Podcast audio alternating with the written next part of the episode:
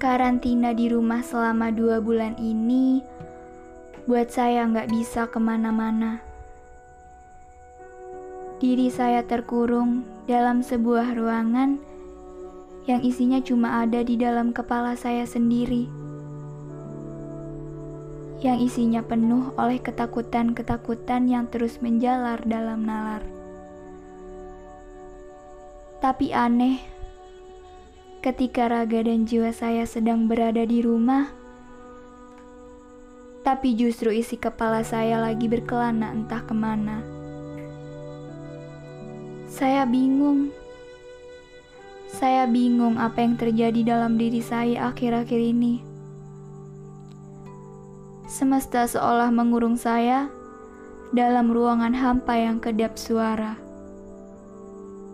ruangan hampa yang tidak ada seorang pun yang bisa mengetahui keberadaan saya, sehingga tidak ada yang bisa mendengarkan teriakan-teriakan yang menggema dalam setiap sudut ruangan.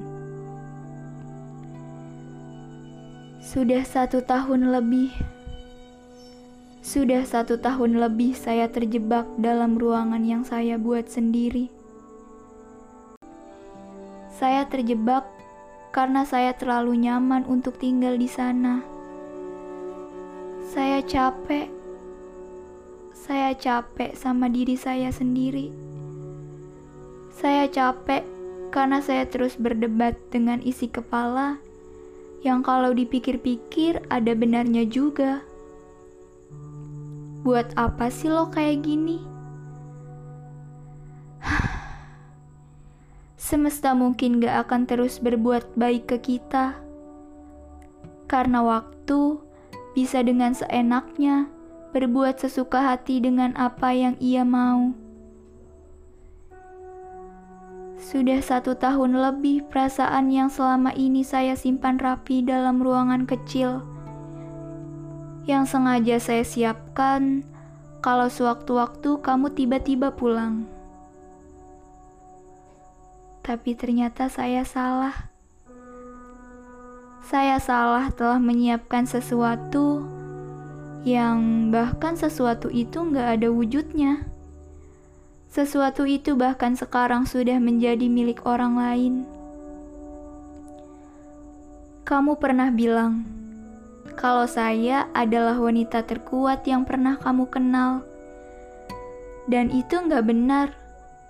Saya nggak sekuat apa yang kamu pikirkan. Saya ini cuma seorang manusia pada umumnya, yang ketika sedang rapuh, saya juga akan menangis. Egois banget emang. Egois banget kalau saya nggak bisa lihat kamu bahagia dengan orang lain. Egois banget ketika perasaan saya tidak ada yang berubah sedikit pun padahal kamu sudah bukan milik saya lagi. Aneh, tapi ini nyata. Sesuatu yang bahkan sudah tidak mau saya genggam, tapi justru saya tunggu kepulangannya. Gak adil banget.